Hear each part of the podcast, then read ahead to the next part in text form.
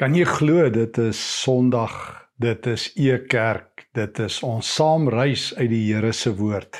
Ekerk is die kerk wat ek nie kan of wil mis nie. Mag die Here ons vandag ryklik ontmoet en mag hy ons uit ons sokkies uit seën. Here wil U ook vandag al die eer kry, regtig al die eer. Wil U ons laat groei in ons geloof, wil U ons opbou, wil U vir ons nuwe dinge uit U woord uit leer. Amen. Jy onthou dalk hierdie soort, ek het dit sommer hier op my ehm um, selfoon, maar jy onthou dalk hierdie soort kolletjies wat mens altyd so gekonnekteer het in prentjies in vandag nog. Die Engelse praat van connecting the dots. Een van die verstommendste dinge wat ek ooit in my lewe agtergekom het, is dat ek nie genoeg gehelp is in my geloof om die kolletjies te konnekteer nie. Ek het 'n kompartementele geloof gehad. En daarom wil ek vandag as ek mag die belangrikste geestelike les met jou deel wat ek in die afgelope klompie jare geleer het. En dit is hoe om die kolletjies te konnekteer dat Jesus meer is as net my verlosser. O hy is dit ook. Maar Jesus is die Here en dat ek moes leer om my hele geloof, my hele lewe vanuit Christus te bedink en om vanuit die Bybel te lewe. En om nie net die Bybel te gebruik as 'n soort van 'n hulplyn waarna toe ek gaan wanneer ek vir iemand iets wil sê of 'n teks wil sê nie maar dat God se woord letterlik vir my ehm um, die rigsnoer vir my hele lewe geword het van waaruit ek lewe. Dat Filippense vers 21 ehm, dat uh, vir my is om te lewe Christus en die sterwe 'n wins dat dit um regtig die waarheid is. Um dit tref my nou die dag toe um toe ek uh, my um langs my skoonma se bed sit terwyl sy besig was om te sterwe. En uh iemand wat daar kom besoek af lê sê Hoekom laat die Here dit toe? Kyk net hoe swaar sterwe sy. Hoekom laat hy dit toe? En onmiddellik besef ek die kolletjies is nie gekonnekteer nie en ek sê vir die persoon Ouma is besig om nie net vir Jesus te lewe nie, maar om vir hom te sterwe. En die persoon kyk so vir 'n oomblik met verbasing na my asof dit vuurpyl tegnologie is. Ek sê, "Maar dis wat Paulus leer in Romeine 14 vers 7 tot 9 dat ek nie net vir Christus lewe nie, maar dat ek ook vir hom sterwe. Ouma is besig om vir Jesus te sterwe. En net soos wat Jesus se eie dood hard was en baie gelowiges, baie apostels vermoor is, het hulle nogtans vir hom gesterwe, is ouma besig om 'n mooi dood vir Jesus te sterwe. Sy dra haar kruis en tyd. Ek het al baie keer agtergekom dat mense elke ander vlak van die lewe nie die kolletjies kan konnekteer nie. Hulle praat oor God se wil los van Christus. Iemand vra nou die dag vir my, is dit God se wil dat hulle moet immigreer? En ek vra, wat van Jesus? En hulle sê, nou wat van Jesus? Ek sê, jy kan nie oor God se wil praat los van Jesus nie. Johannes 6 vers 38 tot 40 het Jesus gesê, Hy het gekom om nie sy wil te doen nie, maar die wil van sy Vader. En God se wil is dat Jesus vir elkeen wie hy die ewige lewe gee, dat hulle vir altyd sal lewe. Dit is God se wil. Jy kan nie oor God se wil dink los van Jesus nie. As jy geleer het om die kolletjies te konnekteer, dan kan jy nie by 'n sterfbed sit en vra, "Nou, hoekom laat God dit toe nie?" Dan kan jy vir mense sê vir gelowiges dat jy lewe en jy sterwe vir Jesus, dan kan jy wanneer mense oor God se wil praat en spekuleer sê Jesus is God se wil. Die vraag wat ek tot so 'n klompie jare gelede die meeste kere gekry het, dit het nou so 'n bietjie verminder, maar was die vraag: moet 'n Christen die Sabbat hou? Dan sê ek: wat van Jesus? Want jy kan nie los van die Sabbat, jy kan nie die Sabbat los van Jesus bedink nie. Jesus self het in Markus 2 en Markus 3 vers 1 tot 6 gesê Hy is nou die Here van die Sabbat. En as mense vir my vra, moet hulle die wet hou, dan sê ek, wat van Jesus? Want die Nuwe Testament 1 Korintiërs 11, Galasiërs 6 sê Jesus is nou die ware wet. Ons gehoorsaam die wet van Christus. En as mense sê ehm um, ehm um, waar is God dan vra ek wat van Jesus?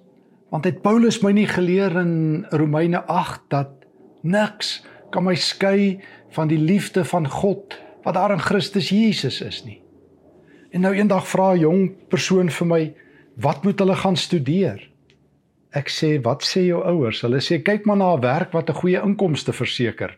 Ek sê, "Wat van Jesus?" En die student vra my, "Wat van Jesus?" Ek sê, "Het jou ouers jou nie geleer nie?" Hulle sê, "Ja, nee. Hulle het my geleer Jesus is jou verlosser." Ek sê, "Maar het jy nie geleer om na die lewe toe te gaan vanuit Jesus nie?"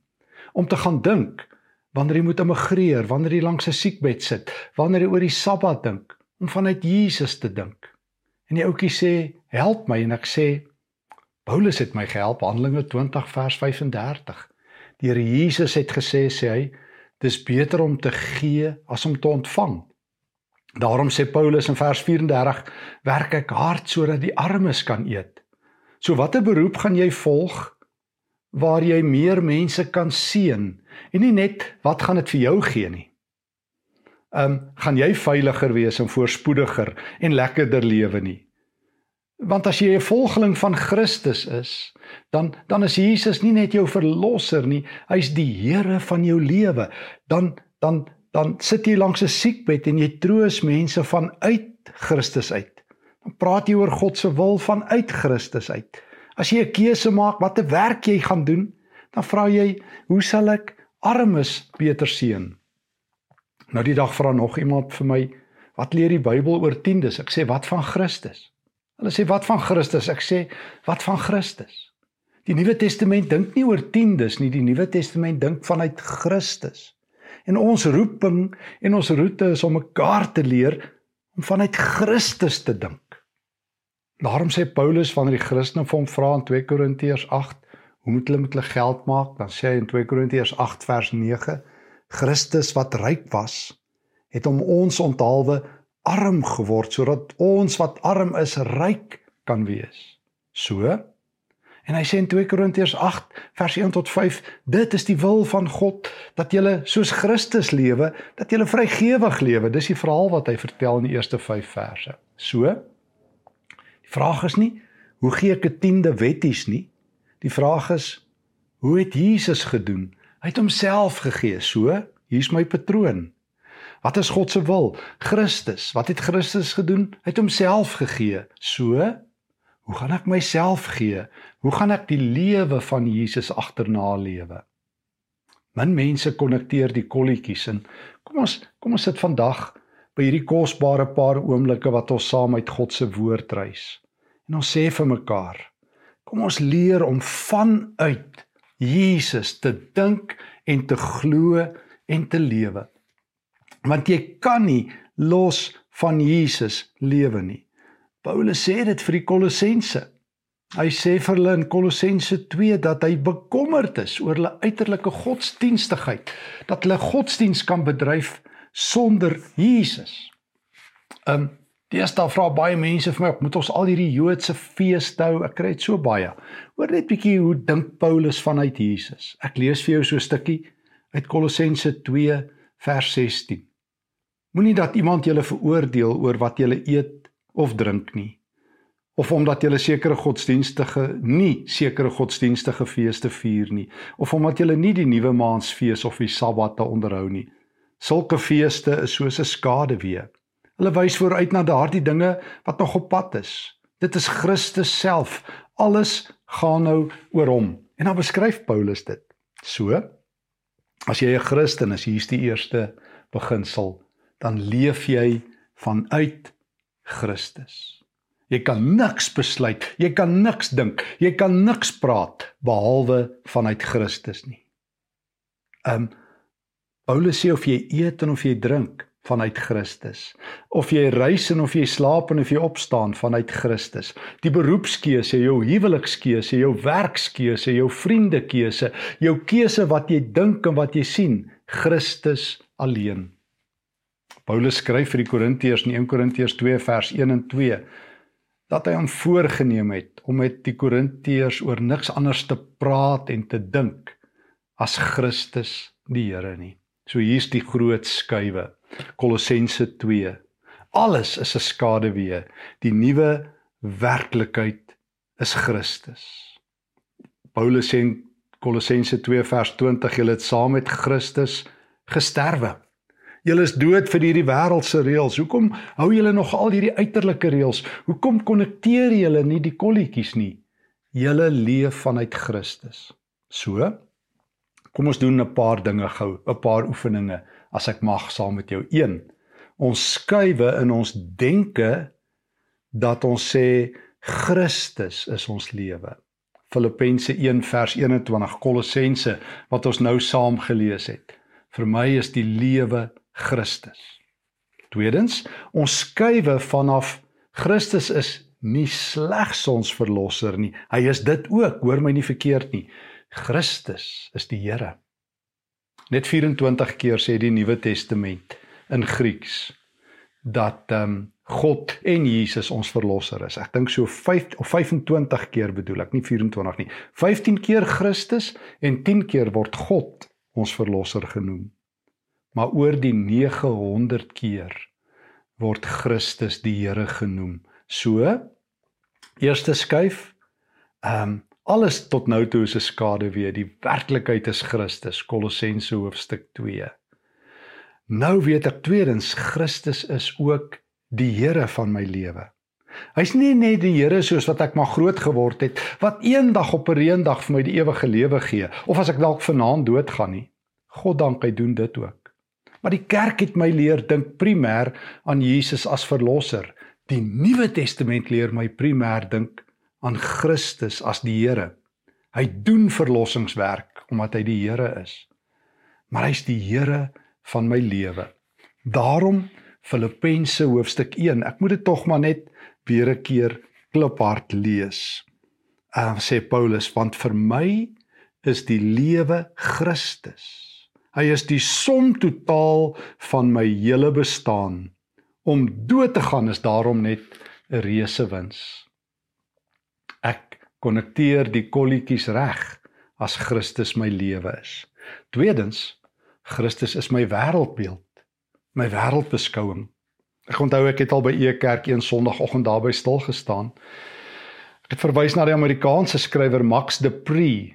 Daar's ook so Max De Pree in Amerika wat gesê het The first responsibility of a leader is to define reality for his or her followers. En dis wat Paulus doen. Hy herdefinieer Christene se realiteit. Hy sê Julle is gekruisigdes. Julle leef vanuit Christus. Hy is julle werklikheid. Dink vanuit hom. Christus is agter julle. By wyse van spreuke val die kruis se lig oor jou lewe. Kolossense 2 vers 14. God het die aanklag staat vernietig waarop al ons sondes geskryf is. Ons was skuldig omdat ons God se wette oortree het maar hy, hy het hierdie aanklagte verwyder uit ons lewe, hy het dit vasgekap aan die kruis. By die kruis het God die onsigbare heerskappye en magte kaal uitgetrek en hulle verneder. So die kruis is agter my. En bokant my is Christus aan die regterrand van God. As ek opkyk, dan sien ek Christus aan die regterrand van God. Hoor net hoe skryf Paulus in Romeine vers 33 en 34 as hy oor Christus skrywe wat aan die regterhand van die Vader sit. Ag, jy ken dit so goed. Hy sê Wie sal dit waag om enige aanklag teen onsself in te bring? Vers 34. Wie kan ons nog skuldig bewys? Christus Jesus het dood gegaan in ons plek. Toe het God hom lewendig gemaak. Nou is dit hy self wat daar op die heel belangrikste plek langs God sit in die hemel. Daar bid en pleit hy vir ons. So Christus is my wêreld. Hy is agter my. Dit is sy kruis wat my hele lewe belig. Hy is bokant my. Hy sit aan die regterrand van God. As ek opkyk, sien ek Christus. As ek agter my kyk, sien ek sy kruis. Hy is voor my. 2 Timoteus 4 vers 7 tot 8. As Paulus sê ek het die goeie wet loop voltooi, ek het eintyd volgehou, nou wag die oorwinningskroon op my die lewe by Christus. So met ander woorde hier reg voor my staan Christus die Here en sy kruis is hier reg voor my. Kom ek lees dit. Hy sê hier voor my wag die oorwinningskroon. Dit is die wennersprys wat wag op elkeen wat doen wat God vra. Die Here sal hierdie prys vir my gee en hy sal dit doen vir elkeen wat in Christus glo. So my ou verlede is uitgevee. Christus het my sondige bestaan, my vorige ou mens vernietig. Bloedlyn vloeke, jy noem enige sonde wat ek gedoen het, die kruis het dit lig gegee. Ek het 'n oop deur na die hemel toe. Mense sê waar's God? Ek weet waar's God. Christus sit aan die regterhand van die Vader. Hy bid vir my, daar's God. So as iemand vir my vra waar's God as iemand ly dan sê ek daar's God. Daar's God. Hy's agter my by die kruis. Hy's bokant my. Hy's voor my. Hy staan met 'n oorwinningskroon vir Stefan in wag en vir jou. Christus is onder my. Hy's die fondament op wie ek my lewe bou. Paulus skryf vir vir um, Timoteus in 2 Timoteus hoofstuk 1 dat Christus die fondament is. Die Here is die fondament. En hierdie fondament is Die Here ken diegene wat aan hom behoort. So jy sê vir my, ehm, um, hoe leer ek om my lewe te bedink uit Christus die Here? Ek begin deur te sê alles tot nou toe is 'n skade weer. Maar nou weet ek Christus is my verlosser en Christus is my Here. Sy kruis is agter my. Bedoel nie dis verby nie, maar sy kruis staan hier agter my en die lig val bo oor my lewe. Christus sit aan die regterhand van God bokant my. Christus staan met 'n oorwinningskroon voor my. Hier onder my staan ek op 'n rots wat nooit wankel nie. En binne in my 1 Korintiërs 3:16, 1 Korintiërs 6 vers 18 tot 20.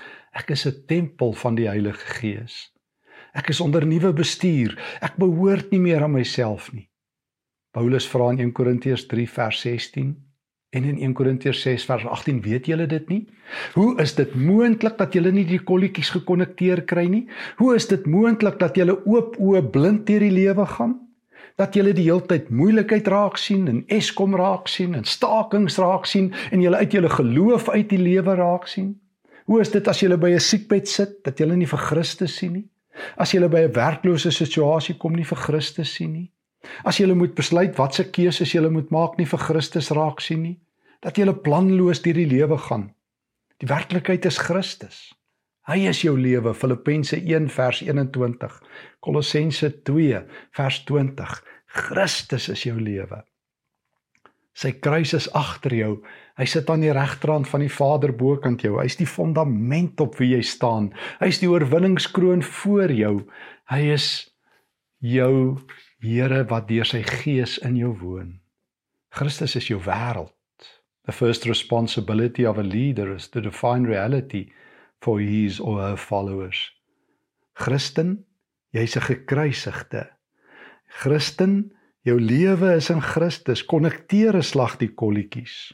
En nou, nou begin jy so lewe. Nou begin jy Kolossense 3 vers 2 doen waar Paulus sê: "Rig jou gedagtes op die dinge daarbo." Daar waar Christus is aan die regterhand van God. Kolossense 3 vers 2 verskuif jou gedagtes na die dinge daarbo. Moenie toelaat dat dit verstrengel raak met die dinge wat hier op die aarde is nie. Vers 3. Want jy is dood hiervoor. Julle lewe, julle nuwe lewe is veilig weggesteek saam met Christus daar by God. Vers 4. Hoor, hoor, hoor. Ja. Christus is julle lewe. Alles in julle lewe draai om hom. Wanneer hy terugkeer, sal jy ook daar by hom wees. So rig jou gedagtes op Christus. Kyk Jesus raak. So, Christus is jou lewe. Christus is jou wêreldbeeld. Bedoelende die kruis is agter jou, Christus sit op die troon, die troon bokant jou. Hy wag met 'n kroon hier voor jou. Hy's die fondament onder jou en jou liggaam is 'n tempel. En nou wat doen jy? Hoe leef jy jou lewe? Jy doen die Jesus kyk. Hoor weer. Christus is jou lewe. Kolossense 2. Rig jou gedagtes op hom.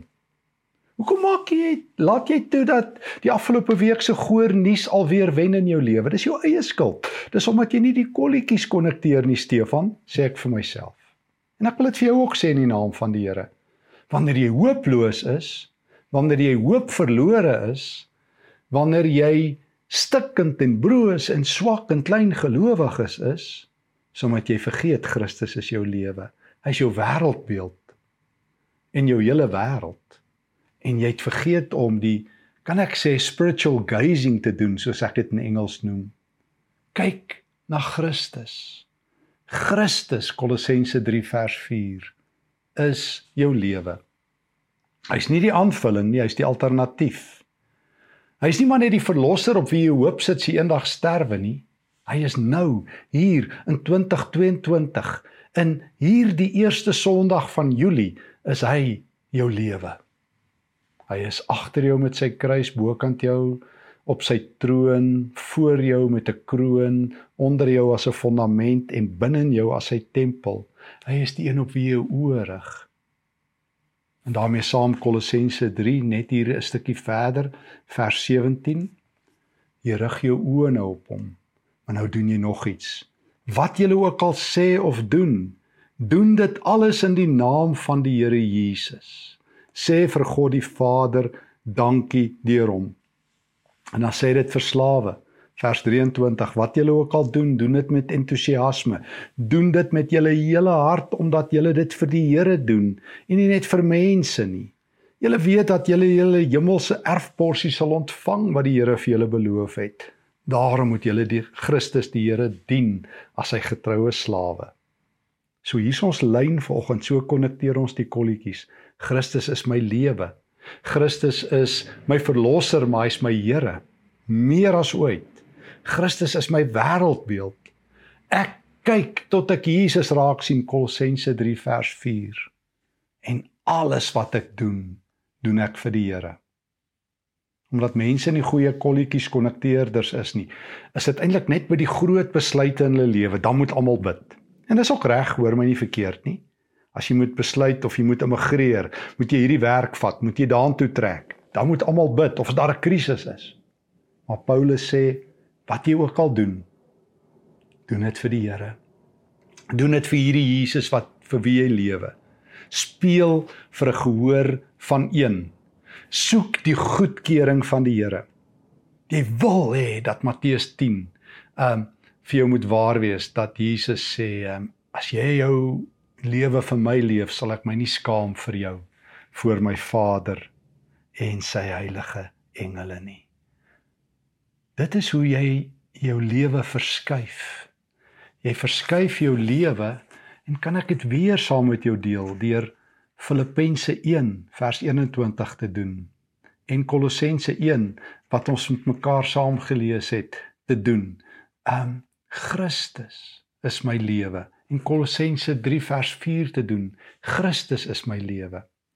Jy verskuif jou lewe deur sê Jesus, U is my verlosser, maar meer as dit, U is die Here en U is my wêreld, my wêreldbeeld. U is die kruis agter my. U is op die troon bokant my.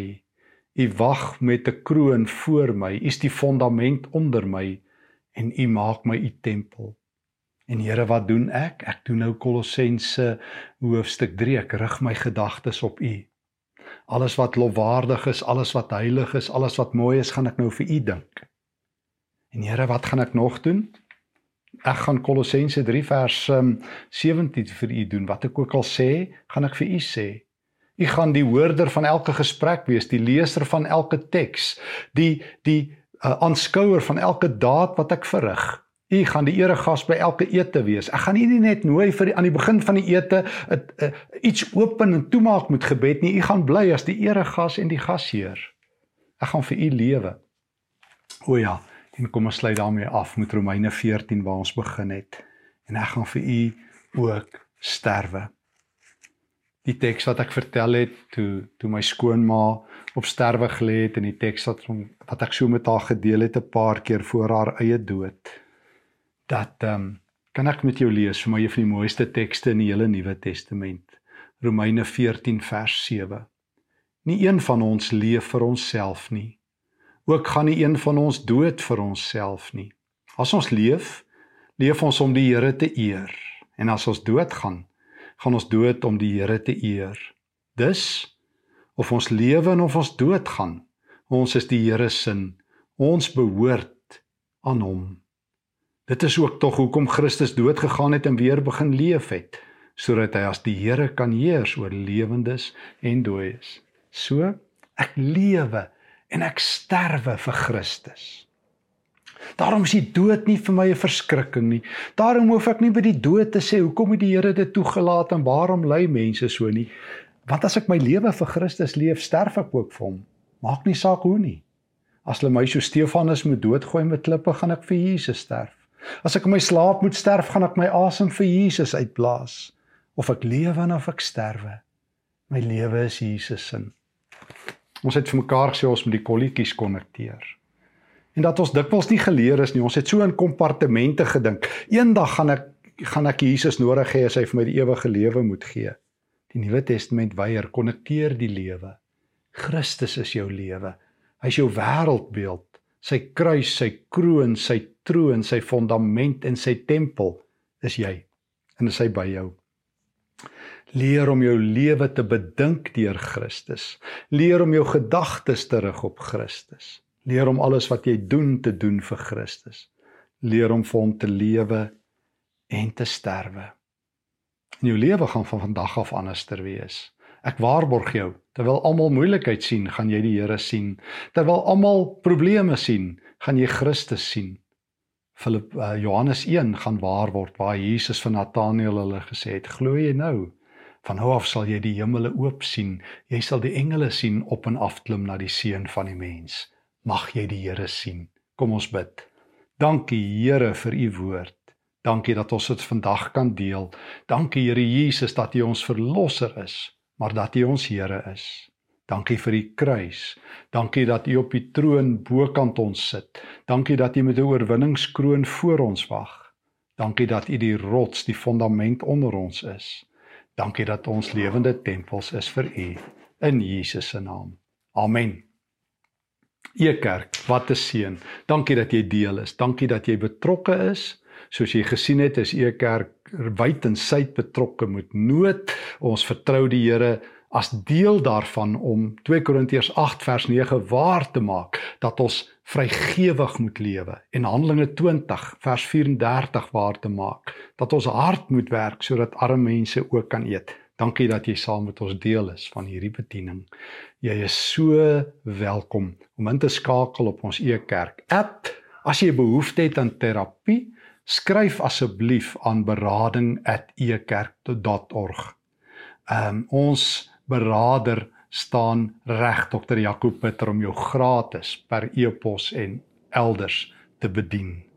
Mag dit 'n ryklik geseënde dag vir jou wees mag jy Christus op 10000 plekke beleef. Mag jy vir hom lewe en vir hom sterwe. Vrede vir jou.